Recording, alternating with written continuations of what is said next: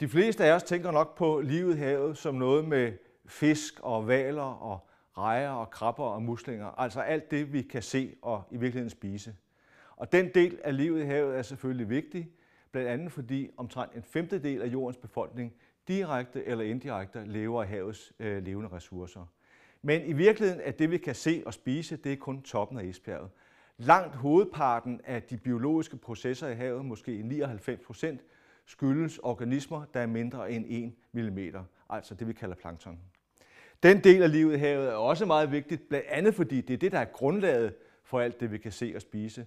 Men også fordi denne, dette usynlige liv er øh, det, der øh, øh regulerer havets biologiske rolle i reguleringen af atmosfærens indhold af koldioxid, og derfor har en rolle i reguleringen af vores klima. Det er det liv, vi skal snakke om i dag. Det liv udfolder sig i en verden, som vi ikke rigtig har nogen adgang til, og det lever også i en verden, som er fysisk meget forskellig fra den verden, vi selv kender. Øh, blandt andet så er det sådan, at vand for små organismer, det virker lige så tykt som sirup. Og det vil sige at gøre almindelige ting, såsom at svømme, eller gribe ud efter et byttedyr, øh, eller filtrere vandet for fødepartikler, det bliver vanskeligt. Det er også en verden, øh, øh der øh, foregår i tre dimensioner, udfolder sig i tre dimensioner. Vi er jo vant til at leve på en flade jordoverfladen, som er stort set todimensionel, men livet i havet, ikke mindst for de små organismer, det udfolder sig i tre dimensioner. Og det betyder blandt andet, at det er en verden, der også er præget af knaphed. Blandt andet fordi alle ressourcerne er fordelt i rummet, snarere end på en flade. Og det betyder, at afstanden til den nærmeste mage, hvis man vil parre sig, den bliver kolossal. Og det at finde føde bliver vanskeligt. Det er det liv, vi skal snakke om i dag. Og jeg vil forsøge her i mit foredrag at visualisere eller synliggøre havets usynlige liv, og jeg forsøger at forklare, hvordan små organismer klarer hverdagens problemer, så at sige. Øh, vi vil starte med at se på det usynlige liv, og det kan vi gøre blandt andet ved at drage til havs og tage en lille stykke vandsøjle ind i laboratoriet ved hjælp af sådan en specialbygget vandhenter. Den er gennemsigtig, og det vil sige, at vi kan se ind i den. Men det første problem, vi støder på, det er, at der ikke er noget at se. Og det desuagtet, at måske 99 procent af alt det liv, der er i havet, det er repræsenteret i de 100 liter vand her. Det skyldes selvfølgelig, at organismerne er små og gennemsigtige. Men øh, vi kan løse problemet ved at lyse ind i vandhenteren med en skiveformet laserstråle, og så placere et kamera med en kraftig linse og kigge ind i den. Og på den måde kan vi komme ind i den usynlige verden. Og det er det, vi er kommet her. Her befinder vi os midt i Nordsøen i 100 mikroliter vand. En tiendel milliliter havvand. Og det, der er det slående her i første omgang, det er alle de hvide, lysende prikker, vi kan se. Alt det er organismer. Det er først og fremmest øh, havets grønne planter, de mikroskopiske indcellede øh, planteplankton. Øh, det er det, der er grundlaget for alt liv i havet. Det er det, der er grundlaget for havets fødekæder. Og her kommer en anden meget vigtig af havets beboere, en vandloppe. Vandlopper er millimeter store krebsdyr. Det er de mest almindelige flercellede dyr i havet, ja faktisk på jordkloden. De spiller en meget vigtig rolle i havets økosystemer, fordi det er dem, der græsser på havets grønne planter på de encellede planktonalger, og de er selv føde for fisk og fiskelaver, og indtager altså en central rolle i havets fødekæder. Og det er især dem, vi som eksempel skal snakke om i dag. De ser alle sammen omtrent sådan her ud, har en aflang torpedoformet krop og to antenner, der stikker ud i vandet. Antennerne er forsynet med sensorer, så det er virkelig antenner. Vandlopper skal, ligesom alle andre organismer, løse især tre vigtige opgaver i deres tilværelse. De skal sørge for at få noget æde, øh, de skal sørge for at overleve, og sidst men ikke mindst skal de forplante sig. Det er jo i virkeligheden den vigtigste darwinistiske mission. De individer, der formår at sætte mest afkom i verden, det er dem, der vinder det evolutionære kapløb. Jeg vil forsøge at gå igennem de her tre forskellige missioner øh, for en vandloppe. Og jeg vil starte med det at æde, og hvordan de klarer det. Her er den første udfordring, som jeg allerede har nævnt, at havet er en meget tynd suppe af føde. Det er sådan, at koncentrationen af planktonalger i havet svarer til måske nogle få riskorn per kubikmeter havvand. Og det vil sige, at en vandloppe for at få mad nok skal rense et vandvolumen for planktonalger, der svarer til 1 million gange dens eget kropsvolumen hver eneste dag. Hvis vi oversætter det til menneskeskala, så svarer det til, at vi skulle filtrere for eksempel 100.000 kubikmeter vand for mikroskopiske fødepartikler. Og det problem gøres yderligere vanskeligt af, at vand, som allerede nævnt, er så tyk som sirup på den her skala. Så forestil jer, at I skal filtrere 100.000 kubikmeter sirup for mikroskopiske fødepartikler hver dag. Det kan vandlopperne rent fysisk simpelthen ikke gøre. Men vandlopper har fundet to andre problemer, øh, øh, to andre måder at løse problemet på. Den ene er skitseret her. Vandlopper er forsynet med et komplekst ansæt mundlæber, øh, som vibrerer konstant og derved genererer en strøm af væske forbi sig. Det er illustreret her på videoen til venstre, hvor vi i slow motion ser, hvordan den slår i et kompliceret, men rytmisk mønster med sine fødelemmer. Og på videoen til højre er vist, også i slow motion, men lidt hurtigere, hvordan det giver anledning til en strøm af væske forbi vandloppen. Tidligere troede man, at vandloppen rent faktisk filtrerede alt det her vand fra mikroskopiske alger. Men det kan rent fysisk simpelthen ikke lade sig gøre at filtrere så meget sirup. Øh, det, der er det, der sker, det er det, der er illustreret her. Her har nogle amerikanske forskere sat en vandloppe fast på spidsen af et kattehår og placeret det foran et højhastighedskamera. Og vi kan se her, hvordan øh, fødelemmerne slår. Det er vist her i slow motion i et, øh, et rytmisk mønster, og vi kan se væskestrømmen, der kommer forbi. Den er nemlig her øh, farvet med, med sort blæk. Vi kan se, at langt det meste af tiden løber væskestrømmen forbi vandloppen, og vandet filtreres altså ikke. Men en gang imellem så omdirigeres væskestrømmen, og den trækkes ned mod vandloppen. Øh, og det viser sig at være hver gang, der er en algepartikel i vandet. Så trækker vandloppen, omdirigerer vandloppen væskestrømmen, øh, snupper algen, der kommer der, og øh, returnerer så strømmen igen. Øh, og hvordan kan vandloppen så vide, at nu er der en algepartikel på vej? Ja, algerne de er lidt øh, utætte. De lægger øh, sukkerstoffer og aminosyre, og i den accelererende fødestrøm trækkes det kemiske signal, så at sige, ned mod vandloppen og ankommer lidt før øh, selve, selve algepartiklen. Og på den måde kan vandloppen vide, at nu kommer der en alge, vi omdirigerer fødestrømmen og suger væskestrømmen ned mod os selv.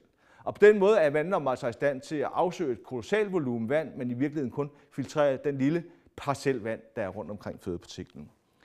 Øh, grunden til, at vandloppen ved, at der kommer en algepartikel, er, at den har på antennerne en række sansesække, vi kunne kalde det smagsløg, ved hjælp af hvilket den kan smage på vandet, så at sige. På øh, antennerne er også udstyret med en række sansehår, som virker ligesom antennerne på en gammeldags øh, pick-up. Altså de små hår vibrerer hver gang der er vandbevægelser, øh, bevægelser i vandet, og vibrationen opsamles af håret og giver besked til vandloppen. Og det udnytter vandloppen til den anden måde, den kan finde føde på. Vandlopper kan nemlig sidde i baghold og vente på, at der kommer en alge svømmende forbi. Algen, den svømmende alge, laver et lille hydrodynamisk forstyrrelse i vandet. Det opsnupper vandloppen og ved, hvor den er, og angriber den. Vi skal lige se sådan et angreb, baghåndsangreb i det virkelige liv. Her ser vi, øh, den blå plet her er den svømmende alge, og her har vi så vandloppen. Hvis vi nu starter filmen, så kan vi se, at vandloppen i et hurtigt angreb kaster sig over algen og snupper den. Her til højre er det vist i slow motion, vi ser, hvordan vandloppen slår med svømmebenene, kaster sig frem, åbner fangkurven og fanger algen. I virkeligheden går det her meget hurtigt. Det var kun nogle få millisekunder. Så det, der er det umiddelbare spørgsmål og problem her, hvordan kan det være, når vand nu er så tyk som siger, hvordan kan det være, at vandloppen ikke skubber fødepartiklen væk, når den kaster sig frem mod den? Og det gør den rent faktisk ikke. Det er vist her på billedet her, hvor vi har vist positionen af vandloppen i hvidt, umiddelbart inden angrebet, og i mørkt umiddelbart efter angrebet, og tilsvarende positionen af fødepartiklen umiddelbart før og efter angrebet i lyst og mørkt. Og man kan se, at fødepartiklen flytter sig rent faktisk ikke, selvom vandloppen kaster sig frem mod det. Hvordan kan det lade sig gøre, når vand nu er så tyk som sirup? Ja, vandloppen udnytter det, som vi har kaldt Lucky-Luke-princippet. Ligesom Lucky-Luke er hurtigere end sin egen skygge, således er vandloppen også hurtigere end den tid, det tager for det øh, sirupsagtige grænselager at udvikle sig. Det tager nemlig et lille bit stykke tid. Det er der ikke umiddelbart. Det er først, når vandet begynder at bevæge sig. Og det tager et lille stykke tid for, for det lag at udvikle sig. Og tricket er altså, at vandloppen er hurtigere end det. Nu har vores vandlopper fået noget at æde. De skal også overleve. Og vandlopper har mange fjender ude i havet. Øh, blandt andet fisk, eller måske endda først og fremmest fisk, men også mange andre fjender. Og her kan vi se, hvordan en lille øh, fisk, en lille hundestejl, forsøger at fange en vandlop. Her har vi fisken, og her har vi vandloppen. Og vi kan se, at hver gang fisken forsøger at fange vandloppen, så hopper vandloppen væk. Det kan vandloppen, fordi den dels har sin sansehår, så den kan registrere, at der kommer en fisk, selvom vandloppen er blind, og dels fordi den er i stand til at lave et kraftigt hop. Vi skal lige prøve at se sådan et hop i slow motion her, og det er virkelig slow motion. Her er et sekund trukket ud til næsten 5 minutter, så i virkeligheden går det her ekstremt hurtigt. Og vandloppen er altså i stand til at accelerere lynhurtigt til en hastighed på en halv meter i sekundet. Og det er jo en stor hastighed for en vandlop, der bare er 1 mm eller mindre. Vi har regnet ud, at den kraft, der skal til for at producere eller for at opnå så høj en acceleration og hastighed, den er 10 gange højere end det, der er rapporteret for nogen anden organisme, øh, når man korrigerer for deres størrelse. Øh, og det gør vand, øh, vandloppen til både verdens hurtigste og især måske verdens stærkeste dyr. Hvordan det kan lade sig gøre, det er en anden historie, men der er ingen tvivl om, at det er en af nøgleårsagerne til vandloppernes evolutionære succes. Grunden til, at det simpelthen er verdens almindeligste dyr. Det sidste vandlopper skal, det er at forplante sig. Og der er problemet det for en vandlopper, en lille bitte vandlopper, der lever i en stor tredimensionel verden. Hvordan møder hannerne og hunder hinanden? Hvordan opnår hannerne, eller vandlopperne at bringe sig i den her lykkelige situation, atroværdige situation, som er skitseret på videoen her? Hvis de bare svømmer tilfældigt rundt, vil de simpelthen aldrig møde hinanden ofte nok til at opretholde en population. Og vi skal simpelthen se, hvordan det foregår. Her kigger vi ind i et akvarium, hver prik her er en vandloppe, og der er hanner og hunder af en bestemt art, og vi kan se, at her på det her tidspunkt her, der er der en vandlop, der går fuldstændig græsat og farer rundt og ender med at fange det, der viser sig at være en hund. Så i virkeligheden havde vi to kameraer, der kiggede på situationen samtidig, organiseret vinkelret på hinanden, sådan at vi efterfølgende kan rekonstruere det tredimensionelle svømmeforløb. Og her har vi i rødt hunden, der spiralerer gennem vandet. Hun har sin fødestrøm, og fødestrømmen trækker hende også gennem vandet. Så hun svømmer altså afsted her, mens hun æder planktonalger, lykkelig og uendende om, hvad der skal ske. Her har vi så om lidt handen kommer i blåt, og i det handen rammer ind i hundens svømmespor, så er han i stand til at følge svømmesporet hele vejen op til hunden øh, og fange hende og parre sig med hende.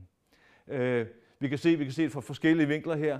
Øh, han laver samtidig nogle fejl. Han rammer sporet, så går den rigtige vej, så går den forkerte vej, opdager fejlen, farer afsted, mister også på et tidspunkt sporet, men finder det igen. Øh, den eneste måde, vi kan forklare den her observation på, det er ved at postulere, at hunden afsætter et kemisk spor i vandet. Og det spor, det er langt. Det kan være flere hundrede gange hundens egen længde. Og det, det er det, der gør, eller det gør, at handens chance for at finde en hund forøges kolossalt. Hos andre arter foregår det på en lidt anden måde her. En anden meget almindelig art i danske farvand, den måler også cirka en millimeter eller så. Og her ser vi igen en han og en hund svømme rundt. Vi ved, at hos den her art, der udskiller hunderne også duftstoffer, feromoner som det hedder, til at fortælle handlerne, at her er jeg, og at jeg er den, jeg er. Men vi kan se, at det foregår på en lidt anden måde. Her har vi øh, hunden, det er den, der står stille det meste af tiden her, mens handen farer rundt. Øh, han kommer hen og kysser lidt på hunden, så farer han afsted i en ny tilfældig retning. Men hver gang er han i stand til at finde tilbage til hunden, selvom han øh, er blind. Og det kan vi kun forstå ved at postulere, at hunden der laver ikke et kemisk spor i vandet, men den danner en, en sky af duftstoffer omkring sig. Og den sky, størrelsen af den sky, det er det, der er afgørende for, eller det er det, der øger handens mulighed for at finde hunden i første omgang. Man kan spørge sig selv, hvor effektivt er det her? Hvor, altså, hvor stort et volumen kan en han afsøge for hunder på en dag for eksempel? Og det afhænger jo dels af signalets udbredelse, som, som vi har snakket om det her, det kemiske signals udbredelse, men det afhænger også af handens søgeadfærd. Og det foregår forskelligt hos forskellige arter. Vi skal se et enkelt eksempel her. Her kigger vi igen ind i et akvarium. Der er nogle, der er nogle hvide prikker, øh, og hver hvid prik er en vandloppe. Øh, der er nogle af prikkerne, der står stille. Det viser sig at være hunderne og der er nogle af prikkerne, der farer rundt. Det viser sig at være hannerne. Det er altså hannerne, der er den opsøgende part, så at sige. Og det er meget almindeligt blandt andre vandløber også, og i det hele taget i dyreverdenen. Og det er jo klart, at jo hurtigere hannerne svømmer, det større er deres chance for at finde en hund. Okay, nu kan vi så kombinerer en matematisk beskrivelse af dels af signalernes udbredelse, og dels af handernes svømmeadfærd. Hvis vi gør det, så kan vi bestemme, hvor stort et vandvolumen hannen har afsøgt på et døgn. Og det viser sig for en millimeter stor vandlop, så, svarer det, altså er det omkring et par hundrede liter vand. Det er jo i virkeligheden et kolossalt volumen for sådan en lille vandlop. Hvis vi igen skal prøve at oversætte det til menneskeskala, så svarer det til, at vi smider en ung mand med bind for øjnene ud i Esrumsø og forventer, at han kan afsøge hver eneste milliliter af Esrumsø øh, for øh, piger øh, inden for 24 timer. Så det er et kolossalt volumen, og det er det, der gør, at vandlopperne er i stand til at faktisk opretholde en bestand i den her tynde verden, de lever i. Det har nogle konsekvenser for handen, den måde at søge på hunder på, fordi handens, handerne er tunet til at finde så mange hunder som overhovedet muligt. Og det næsten koster, hvad det vil. Hannerne lever efter devisen, lev stærkt, dø ung. I deres sigen efter sex svømmer de så at sige ind i døden. Det er illustreret her med de røde, det er hunderne, de blå, det er hannerne. Vi kan se, at hannerne svømmer meget mere og meget hurtigere end hunderne, og det øger også deres risiko for at ramme ind i et rovdyr, f.eks. en fisk. Og resultatet er, at hannerne har en meget stor dødelighed, meget større end hundernes. Ofte med det resultat, at der ude i naturen simpelthen er alt for få hanner til at befrugte alle hunderne. Det er illustreret her. Kurven til venstre her viser forholdet mellem hanner og hunder igennem en sæson, og i gennemsnit er det sådan, at der kun er én han for hver 10 hunder cirka. Der bliver født lige mange hanner og hunder, men hannerne er simpelthen døde i deres hien efter at finde hunder. Og konsekvensen af det er illustreret herover til højre, og det er nemlig den, at kun omkring en tredjedel af hunderne nogensinde bliver befrugtet. De to tredjedel af hunderne bliver aldrig nogensinde befrugtet af en han. Øh, og det vil sige, at de bidrager ikke til populationens vækst. De bidrager ikke til produktion af fiskeføde. Og det er altså i det her tilfælde seks snarere end mængden af føde fra vandlopperne, der er bestemmende for produktionen af fiskeføde. Så det her resultat, det er vi også kommet frem til ved vores teoretiske modeller, øh, som er baseret på en mekanistisk detaljeret forståelse af, hvordan i det her tilfælde hannerne finder hunderne, hvordan hele den mekanik er. Og det fører mig frem til min sidste og afsluttende pointe, fordi et legitimt spørgsmål er jo, kan det her bruges til noget? Et er selvfølgelig, at vi kan lade os fascinere, det gør jeg selv, men kan det bruges til noget? Og der er det sådan, at øh, vi har et kolossalt behov for at udvikle matematiske modeller af marine økosystemer. Så nogle modeller skal bruges til for eksempel at sige noget om, hvor mange fisk vi kan fange i havet.